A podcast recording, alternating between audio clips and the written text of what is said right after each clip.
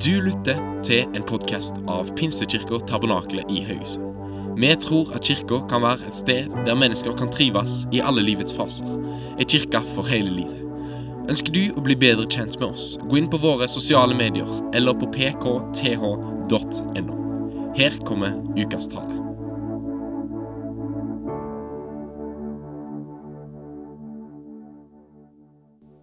Men ditt ord forteller oss at det var to eller tre samles i ditt navn, det er også du, Jesus. Så vi takker deg for at du er her, Jesus. Og vi vet at det endrer alt. Vi vet at når du er her, så kan du helbrede, og du kan gi fred og trøst og håp og ny kraft. Du kan frelse. Du kan lege det som er knust, det som er sårt i oss. Du kan la oss få se Jesus klarere og tydelig og herligere. Og Dette ber vi om akkurat nå, at du, Hellige Ånd, at du lar ditt lys skinne over ordet. At du taler til vårt hjerte og til vårt liv. Du ser vi er forskjellige. Forskjellige bakgrunn, forskjellig utdanning. Noen fra dette landet, andre fra andre land og andre kontinenter. Forskjellige språk. Og veldig forskjellige omstendigheter. Men takk for at du kjenner hver enkelt ved navn. Ingenting er skjult for deg. Du vet nøyaktig hva jeg trenger, du vet nøyaktig hva min bror eller søster trenger i dag. Så vi ber deg, gode Helligånd, tal til oss, Rød ved oss. I Jesu navn vi ber. Amen. Amen. Hvis du trenger tolk, så kan du gå til de som har med lid, og de vil gi deg det du trenger for å lytte til tolk i dag. Kan jeg få vanlig lys? Er det mulig? Eller mindre grønt, i alle fall. Takk. Jeg er bare ikke så kul lenger. Det er jo det som er greia. Jeg er, bare, jeg er ikke det lenger. Jeg har bikket 50, og derfra går det rett ned.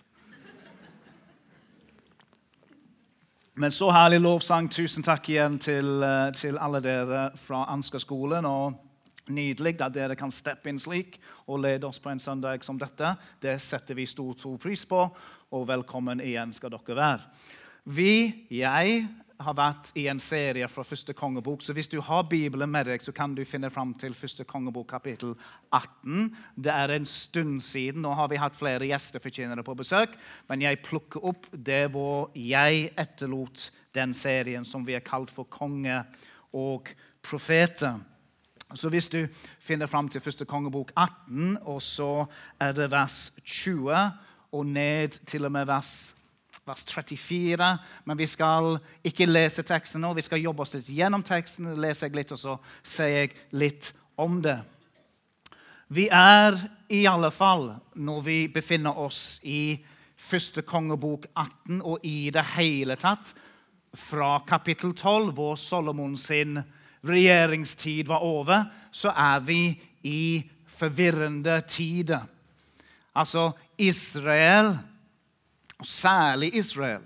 For Israel er nå den nordlige riket, og Judea, Juda er den sørlige. Ti stammer i nord, to i sør. Jude var jo kjent som de som var trofast mot Herren, som husket på Herren, som fortsatt fulgte Herren. Men i nord var det litt andre krefter som var på gang. Og vi er i år 860-ish før Kristus. Så det er en god stund tilbake i tid. Da, i kapittel 11, så var det Solomon. Nå er det Akab. Hvis jeg blander litt navn underveis her, hvis jeg kaller han for Ahab, så er det fordi at jeg leser en del engelsk denne uken, her, så det kan hende at navnene byttes litt underveis, men det er samme person i alle fall. Det er Akab som er kongen og hvilken konge han var. Hvis Akab skulle ha valgt et ord om seg sjøl, så tror jeg at Akab hadde valgt ordet progressiv om seg sjøl. Ikke bare om seg sjøl, men også tiden som han ønsket å innføre i Israel på den tiden. Fordi at kong Akab og vi skal komme tilbake til hans kone, men kong Akab han var opptatt av at de gamle veiene, den gamle måten å tenke om Gud på, den gamle måten å leve livet på, den gamle måten samfunnet var bygget på, det skulle helst vekk. Altså at det var nye måter å tenke om livet, nye måter å tenke om gudene, nye måter at livene våre skal være formet. Og med dette, med den tiden hvor kong Akab var konge, så kom det da inn nye friheter, nytelse, erfaringer, måte å tenke at livet skulle leves på. Altså at det gamle, det som hørte til Du kan si Juda. Den gamle måten de trodde på Javé. Den gamle måten å tenke at det var Tore, altså Guds ord, som skulle forme deres liv og lede deres liv. Det skulle helst tas vekk. Vi, vi må jo befrie oss fra disse gamle systemene og tankemåter. Vi må forstå at, Akab, at i den tid som jeg er konge, og som vi lever, så er disse gamle tankene om og så kan du sette inn hva du vil. Det er utdatert. Det må jo være, Og det er nye måter som vi kan leve på. Det er tross alt 860 før Kristus. Du kan jo kanskje høre det iblant òg. Det er tross alt 2023. Det er tross alt 860. Så der er det nye måter som vi skal leve livene våre på. Dette er omtrent 100 år etter at Solomon var konge. Og vi minner om at den tiden hvor Solomon var konge, så var jo det kanskje Israels høyhetstid. Det var herlige dager. Det var dager som var preget av fred. Alle navnene Shlomo. Fred. Det var dager av overflod, det var dager av trygghet, det var dager av mange allianser til tidligere land som før hadde vært fiender imot dem. Det var harmoni. Ikke var det bare harmoni, men selve det jødiske folket, selve Israel, forsto at dette Jo, Gud har gitt oss kong Salomo, som leder bra, men vi forstår at den freden som vi har, og den roen som vi har, den, det overflodet, veldige overflod, det er noe som Gud har gitt oss. Dette er ikke på den måten ut ifra oss sjøl, men det er Herrens velsignelse som har ført oss hit. Og det er fordi at de husket den profetien som jeg har sagt før, de husket den profetien som Gud hadde gitt til kong David i 2. Samos kapittel 7, om at David som skulle få en sønn, og hans sønns rike skulle være et rike som skulle vare og bli preget av fred, og som skulle vare i all evighet. Litt av en profeti. Og Vi forstår at den profetien handlet om både kong Salomo, men i mye mye større grad om kong. Det var to. Vi prøver en gang til. Vi er en pinsemenighet, og dette var fortamt. Kong, tusen takk skal du ha, og vi er veldig glad for at dere sitter på andre rad.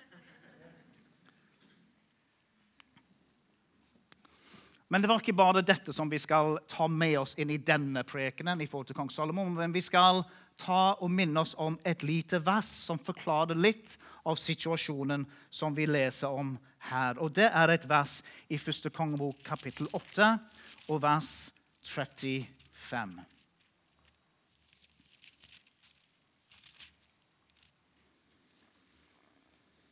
Det er kong Solomo som ber, og for du som var her når vi snakket om eh, innvielse av tempelet Eh, som en del av innvielsen så stiger kong Salomo fram, og han ber en, en, fantastisk bønn som du gjerne kan lese. Men det sier han noe som vi skal ta med oss her.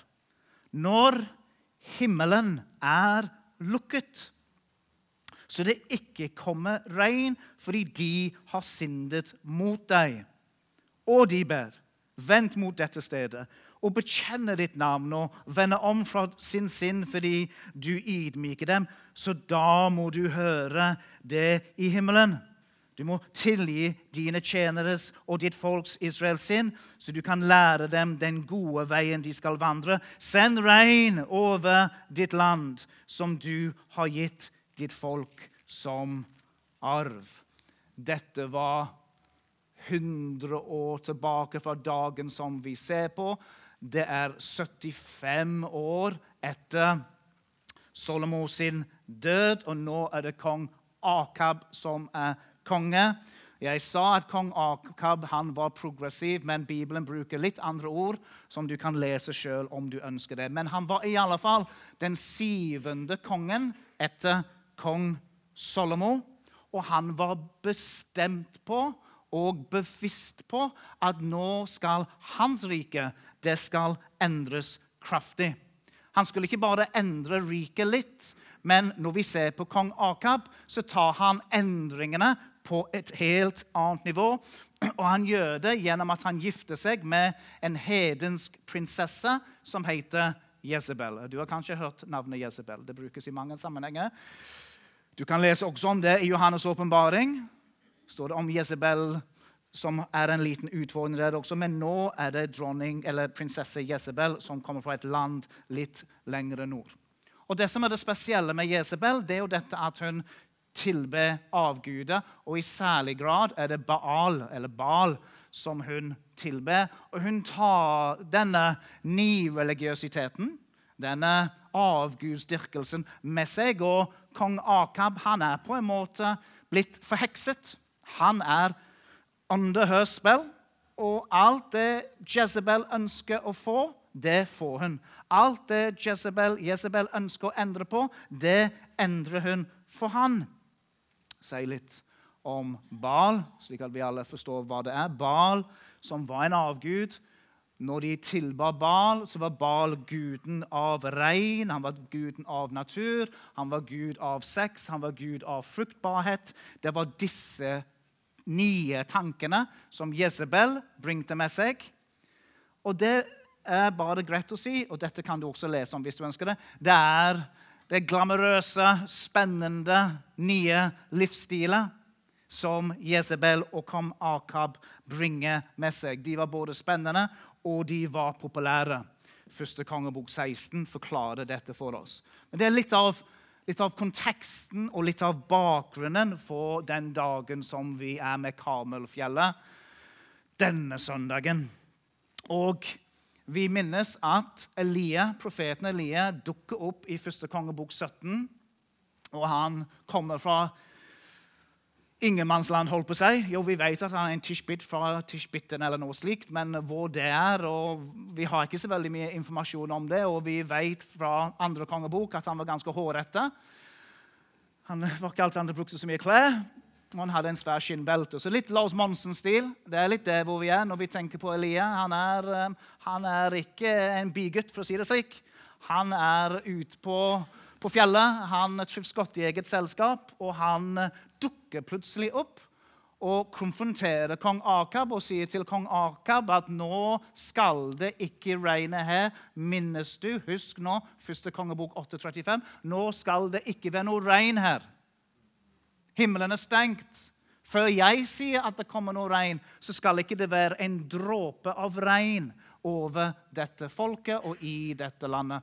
Og du forstår at én ting er på en måte når vi i Norge har litt mindre regn enn vanlig.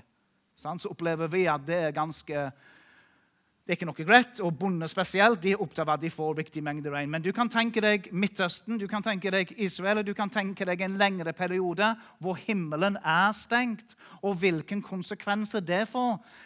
Én ting er innhøstning og grønnsaker og slike ting, men det å selve det å overleve det å ikke dø. fordi at hva er det vi trenger kanskje mest av alt mer enn mat for å overleve som mennesker? Det er vann. Mennesker trenger vann, ikke sant? og nå er himmelen stengt. Men det er ikke en naturlig tørketid. Det er viktig at vi tar med oss. Dette er noe som Gud har sagt i sitt ord, at dette vil skje når dere vandrer vekk fra meg. Dette vil skje når dere synder forlater Jave, og går til avgudene. Og minner også om at Elias navn er 'Min Gud er Jave'. Det er right up in your face. Det er ikke noe tvil om hvor han står henne. Og han har dukket opp, og nå har det gått tre og et halvt år omtrent siden han møtte kong Akab først, til vi møter han denne dagen med Karmelfjellet. Så hvis du har Bibelen med deg, så leser vi vers 20 i kapittel 18. Vi er på Karmelfjellet. Du har helt sikkert hørt denne fortellingen før. Men vi skal forsøke å lytte til hva Gud vil si gjennom det også i dag. Så sendte Akab bud blant alle Israels barn. Og han samlet sammen profetene på Karmelfjellene, altså Baal-profetene. Elie kom fram for hele folket og sa, 'Hvor lenge vil dere halte til begge sider?' 'Hvis Herren er Gud, så følg ham.' 'Men hvis det er Baal, så følg ham.' Men folket svarte ikke et eneste ord. Så få med deg bildet. Vi er ved Kamelfjellet, og kong Akab han har samlet sine profeter. Flere hundre. Du kan på mange måter si det er de de ledende tenkere. Det er jo de som former den nye måten de skal leve livene sine på. Og profeten Elia er alene, og han stiller punkt 1 et spørsmål som ikke kan unngås. Et spørsmål vi må alle besvare. Er Herren Gud? Ja, følg ham. Er Baal Gud? Ja, følg ham. Ja, igjen så lever vi kanskje i en tid hvor man tenker ja, men er det ikke plass for begge to? Skal det ikke være plass til Baal og plass til Jave og plass, plass til Ashtorot? Det, det, det, er jo mange. Hvorfor må vi være så stram? Hvorfor må vi være så vanskelig? Skal ikke vi være tolerant? Skal ikke vi være inklusiv? Er det noe problemet egentlig her kan vi ikke både ha Herren og Baal. Vel, nei. Det kan vi ikke. Det er ikke mulig å ha flere guder. Det er ikke mulig å tro heller på flere guder, egentlig. Og Grunnen er ganske enkelt, og det er fordi at Jave, Herren, han ber oss om helhjertet etterfølgelse. Og hvis han ikke gjør det, så hadde han ikke vært Gud hvis ikke Jave sjøl sier at det er kun én Gud. Hvis han sjøl hadde sagt vi er en fin gjeng Det er kjekt hvis du henger litt med meg, men jeg har flere kompiser. jeg. Litt sånn gresk mytologi. Slik er ikke det verdensbildet som Bibelen gir oss, og som vi er heller oppmuntret til å tro på. Hvis Herren er Gud, følg ham. Men hvis Baal er Gud, så følg ham. Som jeg sa, dette er et spørsmål som alle mennesker må svare på i løpet av livet, selv om kanskje det er det språket de ville brukt. Det er ingen som sier 'nei, jeg satser på Bal i dag'. Det er kanskje noen i New Age-miljøet. ikke vet jeg, men det er ikke sånn at Hvis du snakker med en, en nabo som ikke tror, eller en venn som har valgt å gå litt vekk fra troen sin, eller slike ting, at man bruker de tid på ordene. Men hvem jeg velger å følge i dag, er ikke nødvendigvis et slikt navn som Baal, men det er det som jeg setter først i mitt liv, og det som former mitt liv, og det som gir mitt liv retning. Så jeg bruker ikke nødvendigvis språket som jeg leser om her. Men alle følger noe. Og i dag så følger vi kanskje andre ting og bruker andre ord, men likevel så må alle møte dette spørsmålet og besvare dette spørsmålet. Vil du følge Herren, eller vil du følge noe annet? Og Elia han bruker dette bildet av det å snuble. Baal-profetene de snubler de halter snart gjennom, gjennom hele tiden hvor de skal forsøke å ofre. Men Elia han sier det slik at hvis du, hvis du følger Herren litt, men så følger du dette litt, og så følger du dette litt, Altså Kanskje du er i det ene øyeblikk drevne av dine lister. Det du har lyst til, det, det som lidenskapene dine. I det neste øyeblikk så er det gruppepress. Jeg må, jeg må gjøre dette fordi jeg kjenner de rundt meg vil dette. I det neste så er det egne ambisjoner. I det neste er det grådighet. Og i det neste er det appetitt for spenning eller opplevelse. Og i det neste er det Jesus.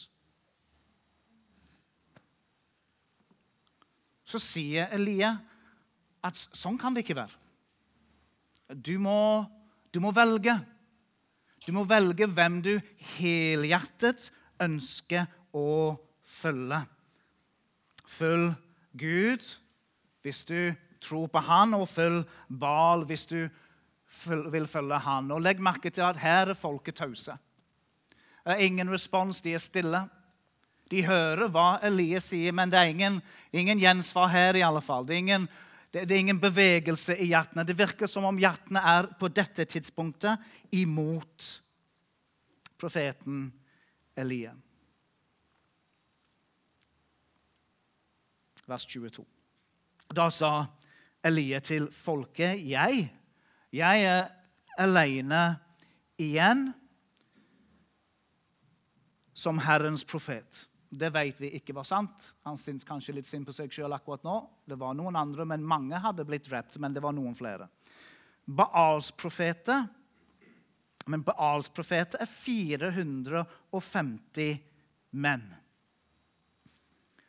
La dem derfor gi oss to okser. La dem velge seg ut en okse, dele den opp i stykker, legge den på veden uten å sette ild på den. Og jeg skal gjøre i stand den andre oksen og legge den på veden uten å sette ild på den. Så skal dere påkalle navnet til deres Gud, og jeg vil kalle på Herrens navn. Det andre poenget i forkynnelsen i dag er oppriktighetens tomhet. Så første er et spørsmål som ikke kan unngås. Den andre er oppriktighetens tomhet. Nå er det en, en kamp på gang, om du vil, en konkurranse, om du vil. Jave mot Bal. Hvem er det som er Gud? Når jeg sier det, så er det greit å si det er ikke egentlig noen konkurranse her. Det forstår vi. Men det er lagt opp som at det er en slags konkurranse på gang, i alle fall. De blir fortalt hvordan de skal gjøre offeret klart. Og uh, Elia han sier dette at uh, dere er jo 450, jeg er bare én. Kanskje dette vil ta meg litt tid, så dere kan bare begynne. Og når dere er ferdige, så kan jeg gjøre det som jeg skal gjøre, klart. Da skal det være slik at den Gud som svarer med ild, han er Gud. Så svarte alt folket sa, det ordet er rett. Nå begynner Baal-profetene å gjøre klart offeret, og nå er de i gang. Dette skjer på morgenen. Oksen er klar. Alteret for Baal-profetene klar. Velg dere ut den ene oksen og gjør den i stand først, for dere er mange. Påkall navnet til guden deres, men sett ikke ild på den. Så tok de den oksen som var gitt dem, gjorde den i stand og kalte på Baals navn fra morgen til middag. Midday, middag. Og de ropte, 'Baal! Hør oss!' Baal! Er du der? Baal! Det er litt sånn. Kanskje ikke helt sånn. Men det er 450 stykk som roper, og de holder på. Og de holder på. 450 stykk fra morgenen til middag. På engelsk står det 'midt på dagen', så jeg vet ikke når. Men i alle fall, det er timevis av dette her. Og hvis ikke det var så alvorlig, så hadde du tenkt det hele her, det er jo bare en vits. Bare, ikke sant? Altså, De står der. 'Bal, Bal, Bal, er du der, Bal?' Tenk deg dette. 450 stykk. Jeg har vært i land hvor jeg, hvor jeg har opplevd noe av det samme i forhold til andre religioner, i forhold til andre guder enn Javé. Og én ting kan vi si. At også når det gjelder disse, og dette kan vi også se i andre religioner, så kan du ikke sette spørsmålstegn med veldig manges oppriktighet. at det de gjør, at det, det mener de. At de de er villige til å altså, skjære med tid. Iblant er det vanskelig å få noen til å komme på et bønnemøte i en time her. Her er det timevis til noen som ikke kan høre eller svare. Det er ganske heftig, dette. Velg dere ut en ene oksen, påkall navnet til gudene deres, men sett ikke ild på den. Så tok de den oksen som var gitt dem, gjorde den i stand og kalte på Baal fra morgen til middag. Og de ropte, 'Bal, hør oss'. Hvis du stryker under noe i Bibelen din, så stryker under dette. Men det kom ingen røst, og ingen svarte. Det kom ingen røst. Det var ingen som svarte. Oppriktighetens tomhet. Det kom ingen røst. Det kom ingen røst fordi ingen var der. For det er ingen annen Gud. Det er kun Jave som er Gud. Så det kom ingen røst, det kom ikke svar, på tross av deres oppriktighet og deres oppriktighet på mange måter øker i det at etter hvert så begynner de å skjære seg sjøl.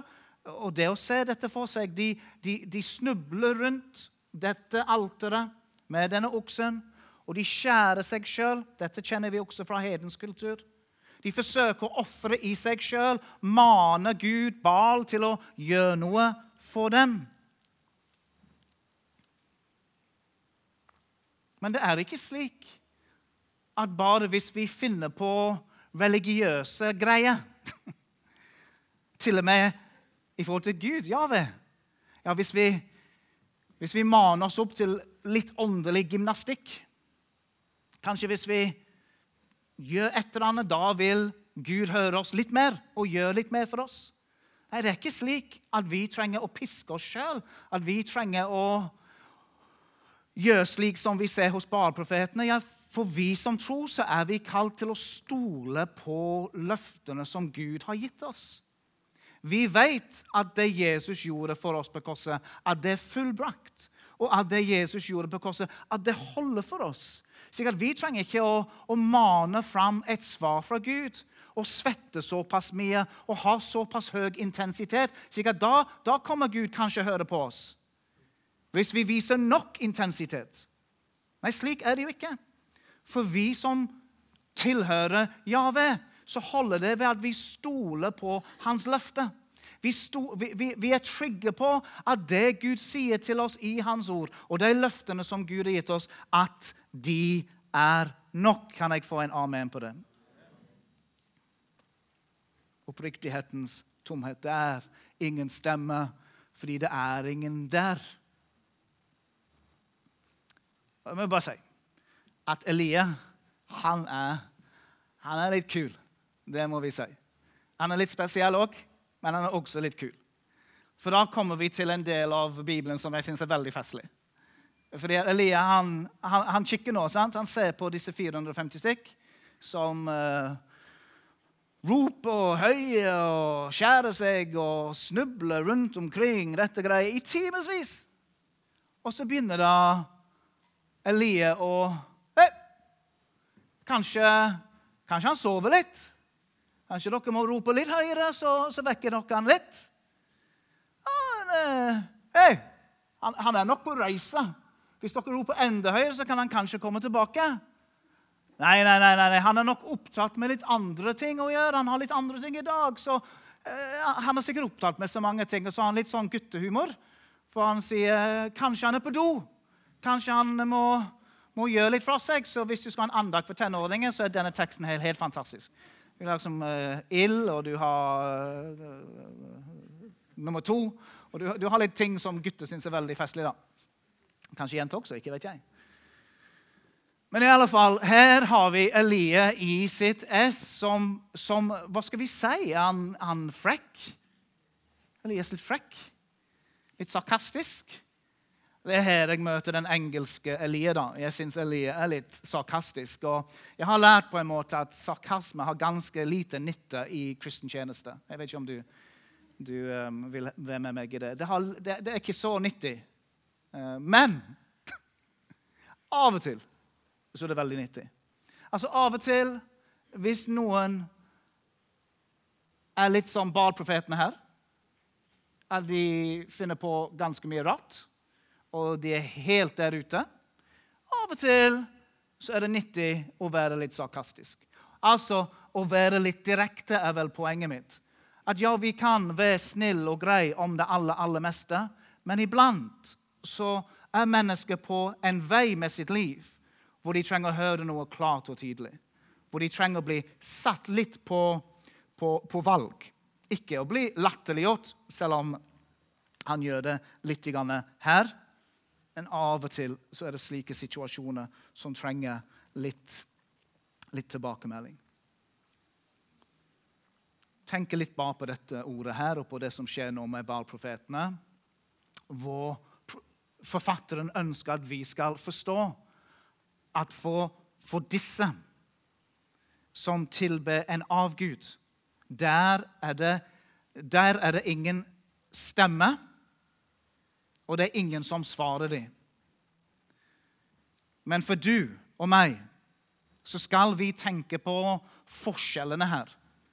For vi som tror på Herren Jesus Kristus, så vet vi at Jesus sjøl sier at mine få, de hører min røst. Vi vet at Jesus sjøl underviser igjen og igjen og igjen. og igjen. Den som leter, han finner. Bank på, og det skal lukkes opp. Vi vet igjen og igjen og igjen at Jesus sier slike ting at, at den som ber om en, et brød, han får ikke en stein. Og Han formidler til oss at vi har en Gud som ikke bare hører når vi ber, men er i stand til å svare når vi ber. Som er i stand til å gripe inn i våre omstendigheter. Som lytter nøyaktig og oppmerksomt mot det vi sier til ham. Vi har en far som er så oppmerksom mot oss at han kjenner hvert eneste hår på vårt hode. Han kjenner dagene våre som er telt. Han kjenner hva jeg tenker, hva jeg sier, mine skjulte hjertets ambisjoner og lister og lengsler. Det er ingenting som er skjult for ham. Slik at når vi ber til ham, så har vi en Gud som er det, det, det, det ikke bare det motsatte, men så langt, langt unna det som Baal-profeten opplever. Men vi har en Gud som hører bønn. Og vi har en Gud som er i stand til å svare bønn. At han er oppmerksom mot oss. At han elsker oss også når vi snubler litt og faller litt, så er det ikke slik at Guds kjærlighet justeres alt etter hva vi presterer. Ja, på min beste dag og på min dårligste dag så er Guds kjærlighet akkurat lik. Han ser meg, han kjenner meg. Han elsker meg. Men vi skal tenke over forskjellen mellom de som tror på Jave, Herren, og de som tror på tomme, falske filosofier og ideer. Så i dag så bruker vi ikke ord som Bal og Ashterot, kanskje. Men som kristen så skal du møte den verden som vi lever i, og tenke hva er det jeg hører av dagens forkynnelse, samfunnets forkynnelse? som også er tomme tankebygninger, tomme filosofier. Hvor det er ikke noe svar der. Det er tomt. Ja, det er mye lid. Det er mye roping. Det er mye styr. Det er mye Men det er ingenting der. Og hvis du ønsker at en skal høre deg og svare deg, det er hos Herren Jesus Kristus. Det er hos Jave. Poenget er at Gud svarer bønn, og Gud hører når vi ber.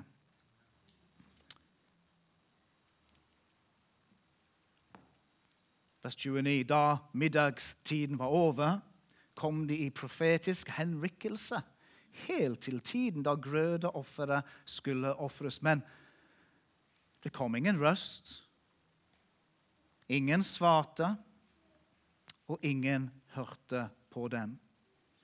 Da sa Elie til hele folket, 'Kom hit til meg.' Så kom hele folket fram til ham. Så, så nå får du en, en, en, bevegelse. Nå tror jeg at de som sto der, begynner å skjønne hva som er på gang her. De har sett på Baal-profeten i flere timer, og de ser at her er det ingen som svarer. Her er det ingen kraft, her er det ingen ild. Så når Elias snakker nå, så er de mer oppmerksomme. Hjertene holder på å bli vendt imot Herren. Kom hit til meg. Så kom hele folket fram til han. Han satte Herrens alter i stand. Så det var en, det var en alter der. Ikke en hvilken som helst alter, men det var en Herrens alter. Og det var en Herrens alter som hadde blitt ødelagt. Og det forstår vi. Kong Akab. Vi forstår at mange av Herrens altere på den tid ble revet ned, ble ødelagt. Men nå setter Elie alteret i stand igjen. På hebraisk står det at han lekte Herrens altere. Ja. Jeg skal ikke ta noe stort ut av dette, men, men jeg minner om at dette handler om, om kanskje det, det, det stedet som handler om innvielse. Det stedet i livene våre som handler om tid alene med Jesus. Den, den tiden hvor jeg i familien min eller i ekteskapet hvor vi søker Gud sammen, hvor vi ber sammen. Herrens altere hadde blitt ødelagt. Det kan skje at den alene tiden med Herren at den kan komme litt på avstand iblant. Det kan være mange ting. Men kanskje også det fins noe her til deg som sier kanskje det er en tid for meg å gjøre i stand Herrens alter igjen. Kanskje det er en tid for meg og min ektefelle å søke Herren sammen igjen. Ja, i, i, ingen fordømmelse i noen ting som helst. Vi vet alle sammen at det kan være kamp om slike ting.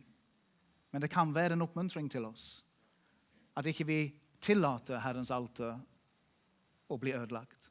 Men vi kan bygge det opp igjen i vårt egne liv og vi kan bygge det opp igjen i vår familie. Jeg hopper litt ned i teksten.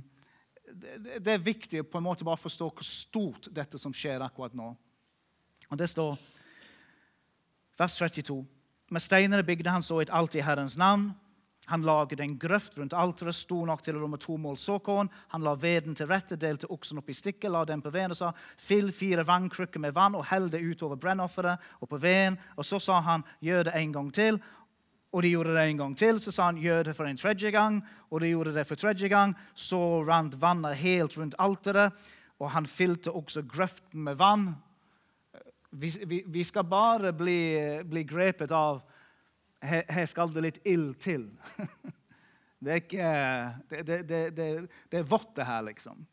Og det er ikke litt vått heller. På den tiden da grødofferet ble ofret, skjedde det profeten Elia kom fram og sa, Herre, Abrahams, Isaks og Israels Gud, må det på denne dagen bli kjent at du er Gud i Israel, og at jeg er din tjener, og at jeg har gjort alt dette på ditt ord.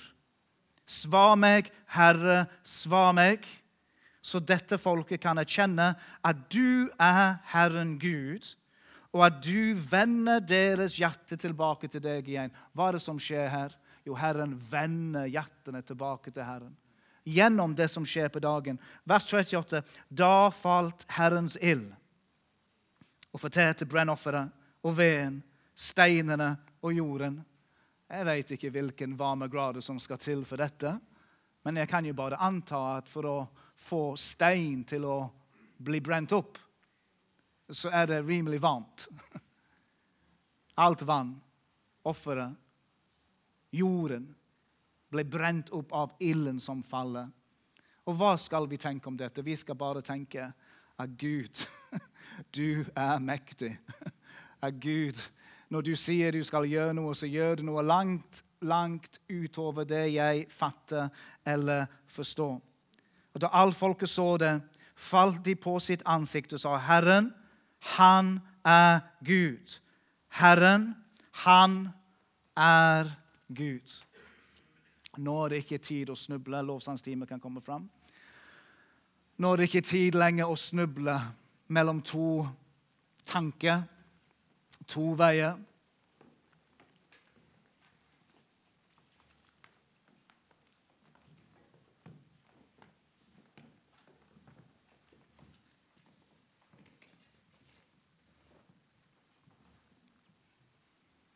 Nå er det tid å si, Herre, jeg vil følge deg. Og jeg vil følge deg av hele mitt hjerte. Og det er slik iblant i livet at det fins ting som ønsker å dra oss vekk ifra det. Og vi sjøl kan ta steg iblant vekk fra Herren. Kanskje ikke helt, men, men litt der og litt så her. Så er oppmuntringene til oss alle sammen i dag det er La oss helhjertet følge Herren. La oss helhjertet si vi følger Jave. La oss helhjertet ta et oppgjør med kanskje ting i vårt liv som, som ønsker å være Gud. Som ønsker å trone i ditt liv, som ønsker å si 'Nei, følg heller meg'. Men vi kan si 'Nei, vi, vi vil følge Herren'. Meg og mitt hus, vi vil tjene Herren. Takk for at du lytta til vår podkast. Vi håper at undervisningen kan være til inspirasjon og hjelp inn i din livssituasjon. Du er hjertelig velkommen til møter i Pinsekirken Tabernakel Haugesund klokka tolv på søndager. Ha ei velsigna uke videre.